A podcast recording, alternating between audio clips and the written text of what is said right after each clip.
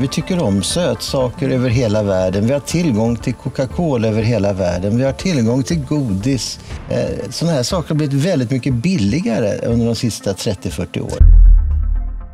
Det är ett stort problem. Det här är inte sjukvårdens problem, det här är samhällets problem.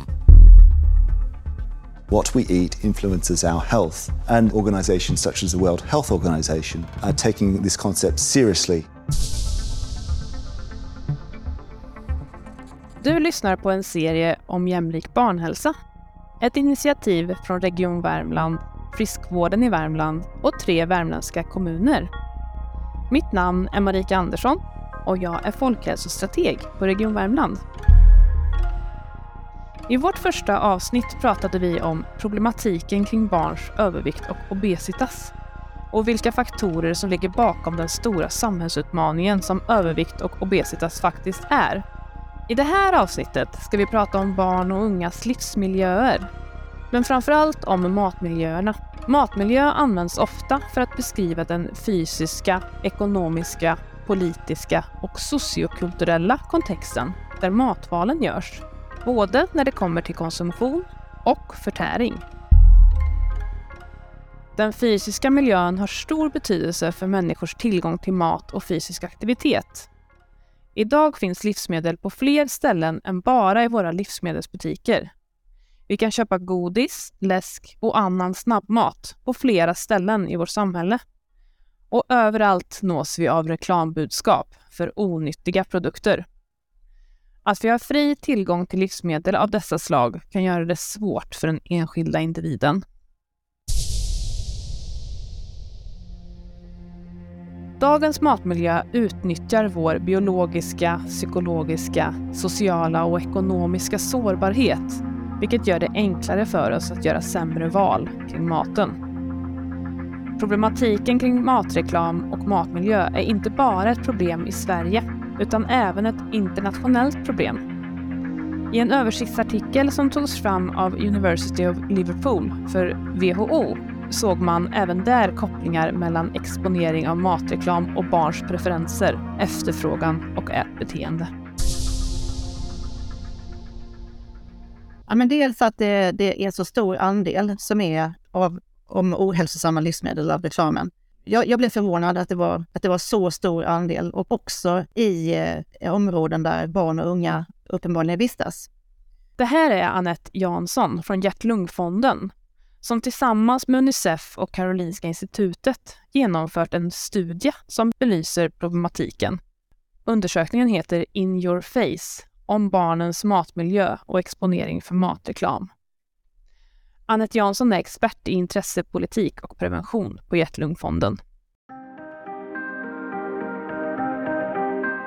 Bakgrunden till eh, varför eh, Hjärt-Lungfonden och Unicef Sverige och Karolinska institutet har gjort den här undersökningen det är att eh, matvanorna hos barn och unga idag är inte så bra. Det är väldigt få utav våra barn och unga som kommer upp till exempel i den rekommenderade mängden av att äta frukt och grönt, och en ganska stor andel utav energiintaget kommer från mat som inte innehåller så mycket energi som läsk och chips och hamburgare och sådär. Och eh, så ser vi också att övervikten eh, bland barn och unga ökar i Sverige.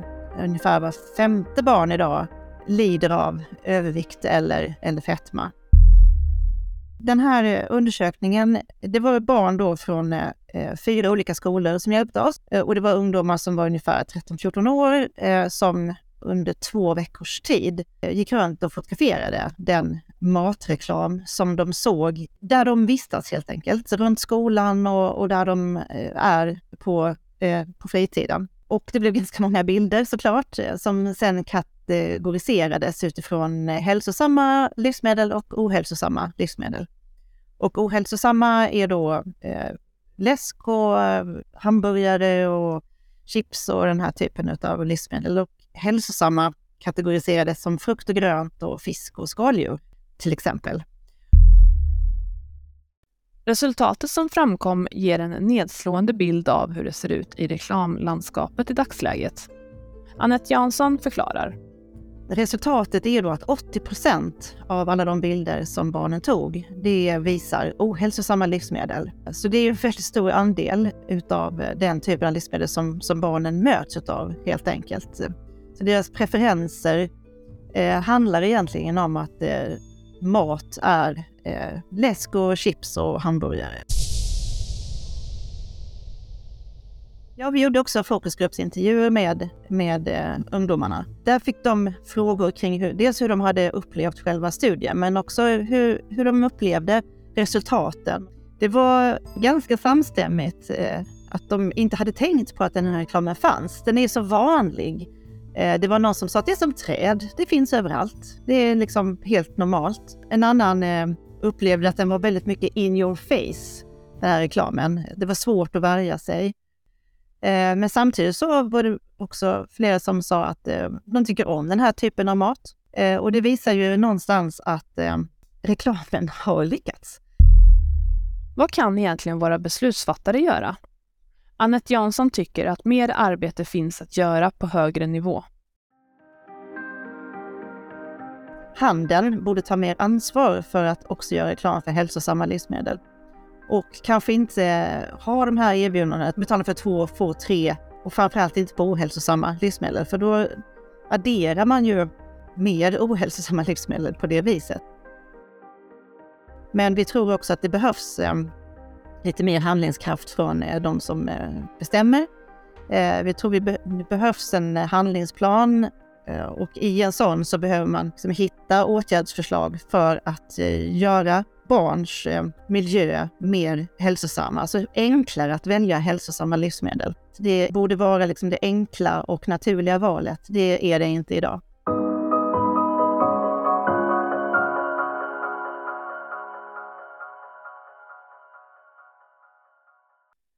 Den här problematiken känns igen i våra egna kommuner. I Säffle kommun gjordes en mindre kartläggning på en högstadieskola för att undersöka hur elevernas matmiljö såg ut i förhållande till skolan. Med hjälp av en QR-kod svarade 95 elever på skolan på fyra frågeställningar om deras livsmiljöer. Det framkom att det var svårt för eleverna att ta hälsosamma beslut under skoltid, men också under fritidsaktiviteter, då utbudet till godis, läsk och andra mer ohälsosamma livsmedel är så lättillgängligt.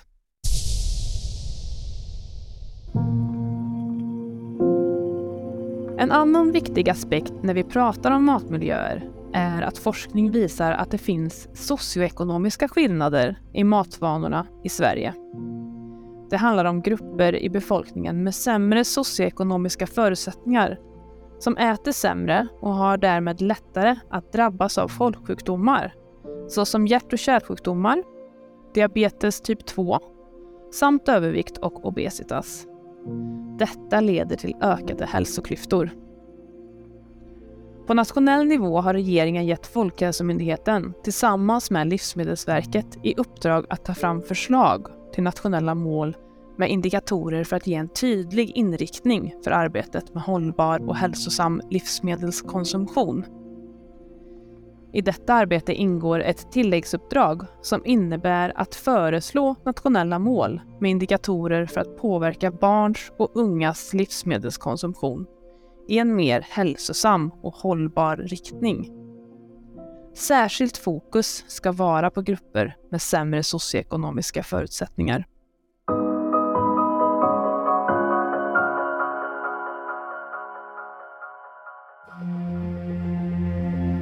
Vilka arenor kan då påverka barn och ungas livsmiljöer? Hemmamiljön, givetvis. Fritidsgårdars livsmiljö. Föreningslivets olika arenor. Men skolan är kanske den arena man främst kommer att tänka på. På nationell nivå behöver förutsättningar skapas för att vi sedan ska kunna förändra på lokal nivå. Livsmedelsverket driver ett projekt som kallas för Ett nytt recept för skolmåltiderna. Projektet har bland annat fokus på mat som del av undervisningen och nya sätt att nyttja skolrestaurang och skolkök till logistik och minskat matsvinn. På det sättet kan också barn och unga bli mer delaktiga i skolmåltiderna och också lära sig tidigt om matens betydelse.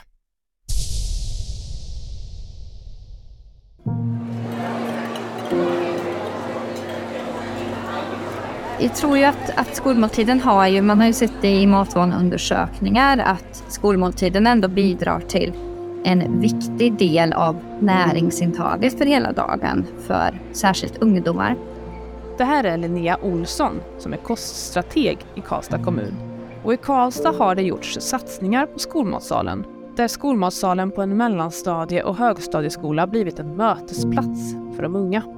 Under en workshop så kom idén upp att försöka optimera användningen av en skolrestaurang. Vi såg att på en högstadieskola så användes skolrestaurangen mellan klockan 11 och klockan 1. Och då eh, kom idén om att ja, men vi försöker öppna upp skolrestaurangen så den är öppen hela dagen så att elever får komma och fylla på med energi när det passar dem och att restaurangen blir en mötesplats. Ja, men vi såg dels en viss problematik kring att elever också lämnade skolan och att man då också lämnade skolan gärna för att gå till en kiosk eller en snabbrestaurang och köpa någonting att, att äta. Vi såg också att när man väljer att handla något från e för egna pengar, då väljer man oftast det där goda eh, som kanske oftast är ohälsosamt också.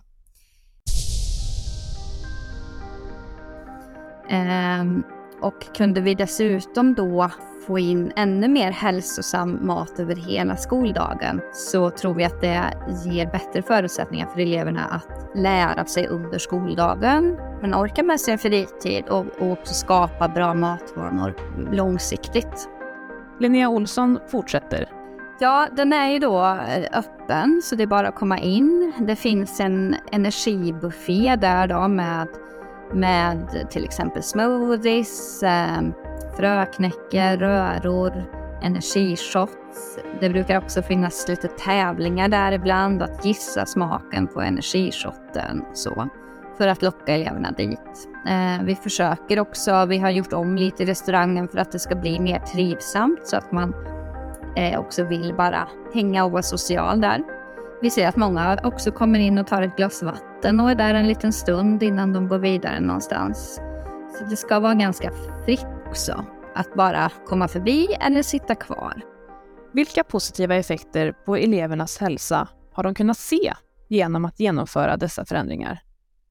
Överlag väldigt eh, positiva reaktioner. Från skolsköterskans håll så ser vi att eh, hon gärna hänvisar eleverna till restaurangen som kommer och har ont i huvudet till exempel eh, och säger att ja, men kom tillbaka till mig om det inte hjälper, annars kanske du bara behöver något att äta för att må bättre.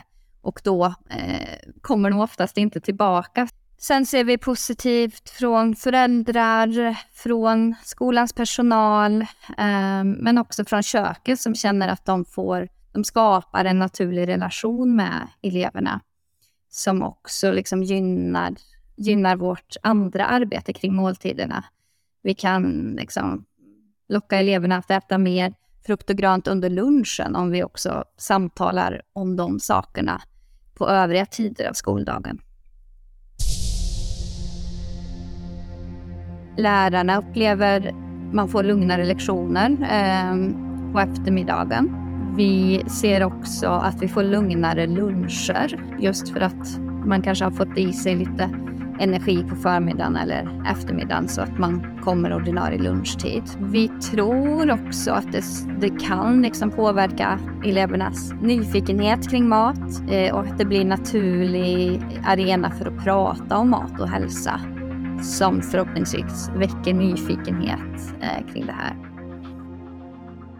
Ett annat värmländskt exempel är Filipstad där kostpersonalen har målat, inrett och gjort ändringar i den fysiska miljön i matsalen.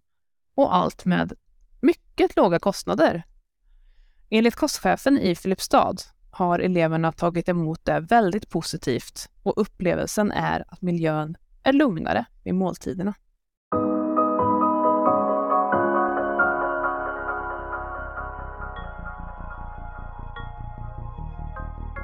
Sammanfattningsvis kan vi säga att vi måste ge barn och unga förutsättningar till att göra hälsosamma val I hemmet, i friluftslivet, men framförallt i skolan.